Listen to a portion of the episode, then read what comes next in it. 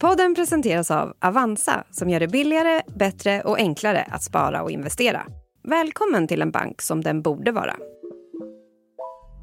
Titta på vad Finland gör. Just detta är Finland ett föredöme. Finland som ligger säkert 20 placeringar över oss. Det är de som har de allra bästa skolresultaten. Vi har länge blickat avundsjukt mot Finland. De verkar göra allt rätt. När jag läser om Finland nu för tiden så står det att den finska skolan är så fantastisk och det går så bra. Och den finska skolan har blivit världsberömd. This is a school system that for years has been among the world's best. Men nu har något hänt i Finland. Jag var där för att försöka ta reda på vad som har hänt med den finländska skolan. På en kvart får du veta hur Finland gick från att vara bäst i klassen till att bli en riktig medelmåtta. Så som jag har uppfattat det så talar vi inte längre om en nedåtgående trend utan nu talar vi om ett ras, ett kunskapsras.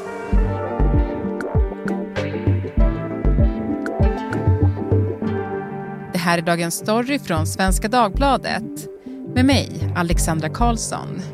Gäst idag, Maria Jelmini, vetenskapsreporter på SvD. Maria, du är nyss hemkommen från Finland. Ja, precis.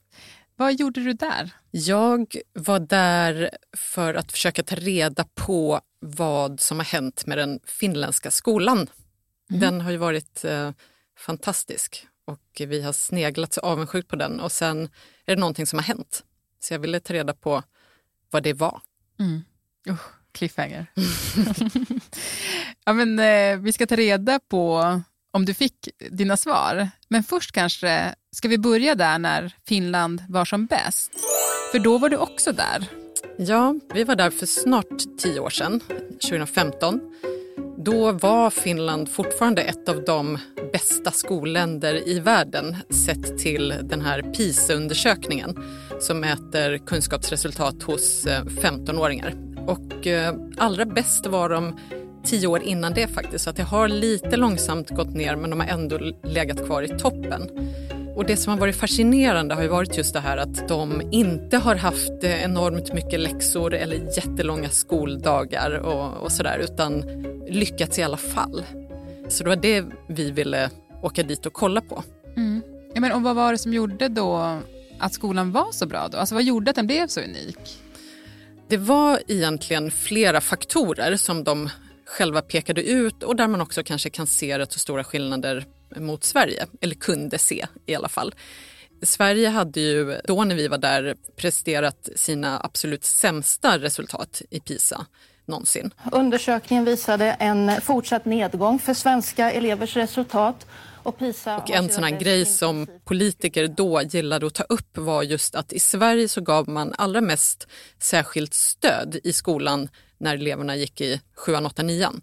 Och i Finland var man väldigt duktig på att fånga upp det här tidigt. Så där satsade man mest i årskurs 1 och 2.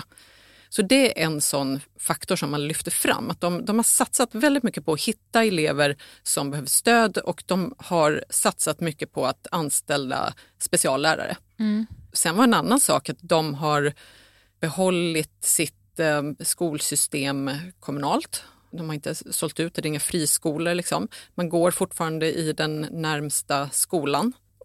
Den tredje grejen som man lyfte och som man fortfarande lyfter är just den tunga lärarutbildningen. Men kanske framför allt att läraryrket har varit så populärt att det är det är väldigt svårt att komma in på lärarutbildningen. Man lockar de absolut bästa studenterna. Mm. Så eh, lärarna har liksom också lyft som en framgångsfaktor. If you really want to be a teacher, it can't be your second or third or I don't know what kind of option. It has to be your first. Och det som verkligen gjorde att folk liksom blickade mot Finland var ju att alla, alltså oavsett bakgrund, verkade prestera rätt bra. Precis. Man hade väldigt eh, liten skillnad mellan elever. Eh, man brukar kalla det för att man har en likvärdig skola. Att vilka föräldrar man har, eh, hur mycket pengar man har, kön, vilken skola man går på spelade inte särskilt stor roll utan skolan lyckades kompensera för de här olikheterna i bakgrund, vilket mm. man inte längre lyckas med i Sverige till exempel. Mm. Och du, du var ju inte ensam om att resa till Finland på den där tiden. Nej, det var svårt att få audiens. Man fick eh, kö nästan. Jag minns att vi samma dag som vi var där så hade Saudiarabien varit där, Japan var där dagen innan. Eleverna var så här blasé nästan. Nioåringarna tittade knappt upp när fotografen tog bilder. De var så vana. Mm. Och det var ju någonting väldigt unikt med Finlands skolsystem. Om man tittar på hur PISA-toppen såg ut då så var det ju länder som eh, Kina, Sydkorea, Singapore, Japan, länder med en oerhört stark studiekultur där utbildning och framgång ses som enormt viktigt. Och där var då Finland uppe och trängdes på toppen trots att det var inte de här jättelånga dagarna att göra läxor till midnatt utan det var fortfarande elever som hade tid med ett, ett liv och en fritid men ändå lyckades prestera i världstopp. Mm. Men sen har något drastiskt hänt. Sen har någonting hänt som jag sa i början så låg ju toppåret var i princip 2006. Sen har eh, PISA-resultaten dippat lite långsamt. Men nu när de senaste siffrorna kom här precis före jul. Ja, pinfärska resultat från den senaste PISA-undersökningen har blivit offentliga just nu här i dessa minuter och det är dessvärre ganska förfärlig läsning för Finlands del. Då så såg man att eh, man har blivit en, en medelmåtta helt mm. enkelt på ganska kort tid också. Sen ska man ju ha med sig att eh, det här testet gjordes eh, efter pandemin. Under den här perioden så har skolor varit stängda ett tag, man har haft distansundervisning. De som inte har stängda skolor har haft hög eh, sjukfrånvaro och så vidare. Det påverkar ju, men det påverkar alla länder. Och som sagt så, så såg man den här nedgången komma lite innan så att man är väldigt medveten om att det är någonting annat. Mm. Men hur kan det ha blivit så här då? Ja, det är ju det de försöker eh, analysera nu. Liksom. Vem är det som har dragit ner resultaten? Och en sak som man har tittat på är till exempel om invandringen har haft betydelse. Det har man sett att det inte har, snarare tvärtom så har minskningen varit större bland finländska elever än eh, utrikesfödda. Så det är någonting annat. Mm. Och du åkte ju tillbaka då till Finland för att utreda saken. Och där finns det ju en del teorier. Bland annat att man införde en ny läroplan. Precis. Det är ju många som har sagt att man eh, i och med den följde den svenska vägen mot mm. rask takt mot den svenska flumskolan. Man införde en ny läroplan 2016, så det var ju efter vårt förra besök. Men det väl många också säger, och det vi såg, det var att Eh, den har inte fått så stort genomslag. Finland har ju tidigare haft väldigt traditionell undervisning, det vi kallar katederundervisningen, men som går ut på att det är ganska så här faktacentrerat. Läraren är tydligt eh, i centrum och eh, lär ut och berättar, man har prov och så vidare. Nu har det liksom kommit in mer så här elevbestämmande, man får välja lite mer, det är längre projekt, lite olika sådana grejer. Men de lärare och, elever som vi möter, de låter lite frågande när vi pratar om så här många inlämningsarbeten som ju eh, svenska elever har haft väldigt, väldigt mycket till exempel. Mm. Pratar om ChatGPT, det är en icke-fråga där för man har så lite av den typen av arbeten fortfarande. Så den är fortfarande väldigt traditionell. Så det verkar inte riktigt vara läroplanen heller. Inte än i alla fall. Okej, okay, så det är inte läroplanen. De du träffar då, vad pekar de på för andra faktorer? Ja, en grej har ju varit det här med det särskilda stödet. Där verkar det som att man fortfarande satsar väldigt mycket även om man har börjat gå lite mer till det som man kallar inkludering. Liksom att man ska gå i en vanlig klass och få hjälp med det man behöver. Man har liksom inte dragit ner på resurserna där riktigt så det verkar kanske inte som att det är där heller. Men det som är lite oroande är att man tappar ju på alla nivåer. Både bland de som presterar bäst och bland de som presterar sämst. Men det man har sett är att den här gruppen, de som presterar sämst, presterar ännu sämre. Mm. Så att man fortsätter ju att riva i det här. Liksom. Mm. En annan grej som är svårt att sätta fingret på, som inte syns i siffrorna riktigt, det är det här att eleverna är mer rastlösa, de är pratigare, de har svårt att fokusera längre tider. Mm. Som många upplever som en väldigt stor förändring på de här åren som har gått sedan vi var där. Mm. Så typ eh, smartphones helt enkelt. Precis. Mm. Och där är också lite så här, PISA ställer lite frågor om det här.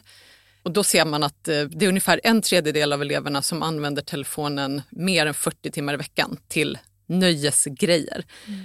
Men så är det i många andra länder också.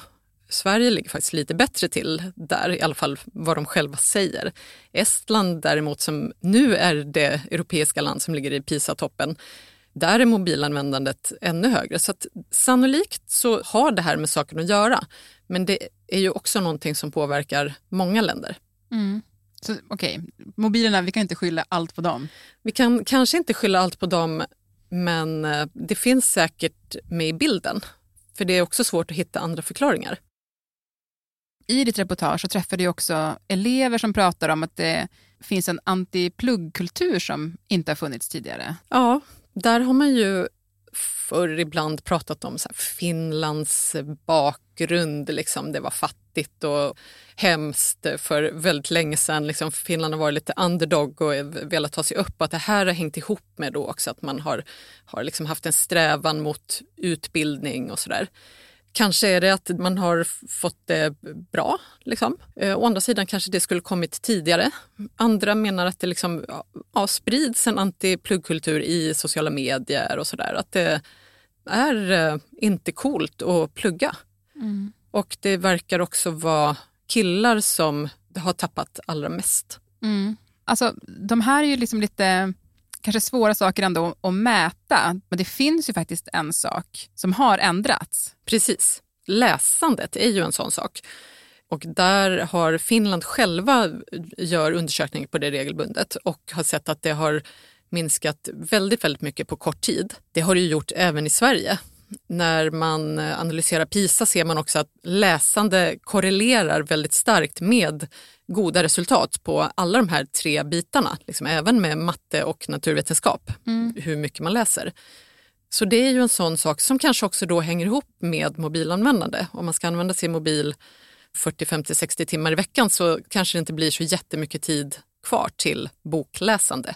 Mm. Och det är klart att det påverkar.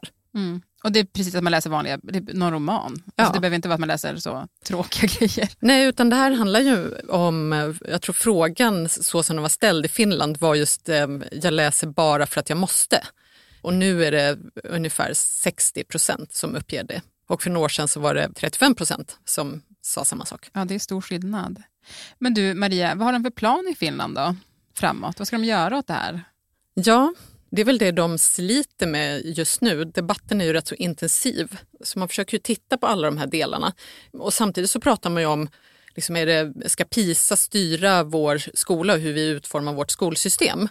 Skälet till att man reformerade sin läroplan var ju lite grann det här att man ville göra skolan modernare, man ville eh, kanske så här, förbereda eleverna mer för så som livet kommer att se ut och vilka yrken som kommer finnas. En grej var ju att man, man fått in mer så här, entreprenörskap, liksom, kulturell kompetens, sådana saker. Mm. Å andra sidan så mäter ju PISA ganska brett. Liksom. Allt från liksom, hur bra man läser och förstår material till eh, hur bra man är på problemlösning.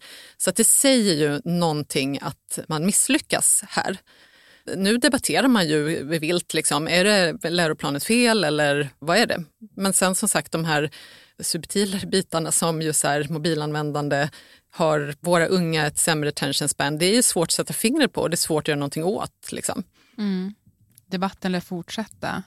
Men till sist Maria, jag tänkte bara så här, om Sverige nu då skulle lägga på ett litet kol, skulle vi alltså kunna bli bättre än Finland? Det är målet. ja, det är alltid målet.